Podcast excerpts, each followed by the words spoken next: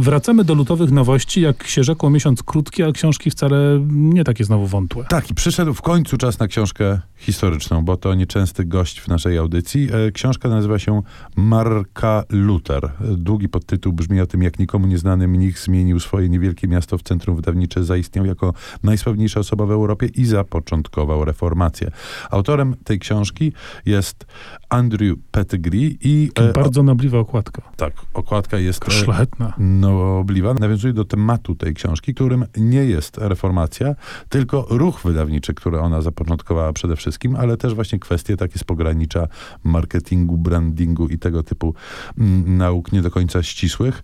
Częściowo byłem świadom historii opowiedzianych w tej e, książce, bo reformacja zawsze mnie dość pociągała i interesowała, natomiast częściowo nie. Bardzo e, interesujące są opisane etapy przejścia, to znaczy od momentu, jak Gutenberg wymyślił swoją wspaniałą maszynę. Nic tak naprawdę ciekawego przez pierwsze dziesięciolecia się nie działo i to potrzebny był ktoś taki jak Luther. Wymyślił dość prostą rzecz, mianowicie należy do ludzi mówić prostym, klarownym językiem, w języku, który rozumieją, czyli nie w łacinie, a po niemiecku w tym wypadku. Rzeczywiście stworzył imperium e, wydawniczo-drukarskie, które rozwijało się też po jego śmierci. Jest tu opis obchodów stulecia e, reformacji, więc 100 lat po, 300 lat po momencie przybicia tez na, na drzwiach katedry i wtedy nagle się pojawia w już rozhulanym świecie mm, książkowym e, coś zupełnie nowego, mianowicie wydawca, bo wcześniej wydawcy nie istnieli, byli po prostu e, drukarze. I ta historia książki, ta historia drukarstwa, świata wydawniczego, opowiedziana z luterańskiej perspektywy, myślę, że może nam otworzyć oczy na kilka fenomenów, z którymi się się wkrótce będziemy sami zmagać. Bo to, co wydaje nam się rzeczą zastaną i stałą, mm, na pewno się e, zmienia. Tylko brak nam dystansu, by te zmiany zaobserwować. Bardzo poważnie zabrzmiało. Skarżyłeś się, że ma opowieści historycznych. Ja tu proszę, przyniosłem taką. O, cegłę. Rzeczywiście jest to dość Prawie 700 stron. Książka. Książka nazywa się Victus, Upadek Barcelony 1714.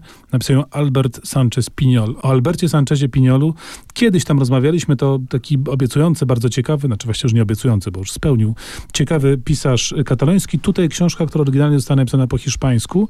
Jest ona, jest ten Victus takim klasycznym właściwie dziełem przygodowo-historycznym. Mamy bohatera, którego poznajemy jako dość niefrasobliwego młodzieńca pakującego się w poważne tarapaty, ale oczywiście z niefrasobliwego młodzieńca wyrośnie nieco frasobliwszy osobnik, który zostanie zaangażowany w wojnę, w wojnę o sukcesję, która na początku XVIII wieku wybuchła w Hiszpanii. My się o niej mało uczymy w polskich podręcznikach, natomiast dla Hiszpanii była rzeczywiście fundamentalna. I poprzez te przygody owego żołnierza, związanego przede wszystkim z budowaniem fortyfikacji, mamy też też y, taki wgląd w kawałek nieznanej nam historii, a bardzo istotne i bardzo aktualna się to robi rzecz, bo właśnie te wydarzenia z początku XVIII wieku są źródłem tego, co dziś dzieje się z Katalonią i w Katalonii. Są źródłem tej odrębności czy chęci dążenia do, do odrębności katalończyków. Oczywiście można sięgać dalej, ale tak naprawdę prostą linię wytyczyć można właśnie od tych wydarzeń y, wojny o sukcesję.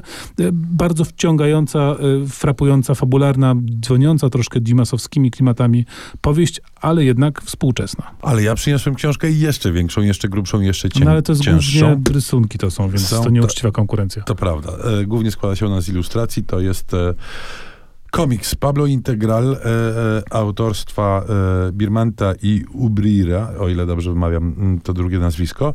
To są zebrane opowieści o pierwszych e, latach Pabla Picassa w Paryżu, o tym jak on podbijał e, Paryż jeszcze sprzed wymyślenia mm, kubizmu. E, absolutnie cudowny e, portret epoki, absolutnie cudowny portret pana, opowiedziany z kobiecej, a jakżeby inaczej perspektywy. Tu są takie momenty, które są absolutnie wzruszające, jak na przykład Panny Zawinią, które się pojawiają pod koniec tej książki i nie znajdują przez długi czas uznania u nikogo, no ale też fantastycznie opowiedziane życie bohemy paryskiej tamtych czasów. I myślę, że obok komiksów takich takich jak Kiki na przykład, to jest konieczna lektura dla wszystkich, którzy mają słabość do tamtego okresu i nie tylko, bo e, rzeczywiście można się w tę opowieść o młodym geniuszu zatopić, szczególnie, że on nie dominuje. Poznajemy tu całą plejadę fantastycznych, interesujących postaci. To były nowości na luty, ale skoro czytamy nowości, to możemy posłuchać z muzyka z wciąż jeszcze nowego filmu pod tytułem Trzy billboardy za Ebbing, przecinek Missouri skomponowana przez Cartera Barwella.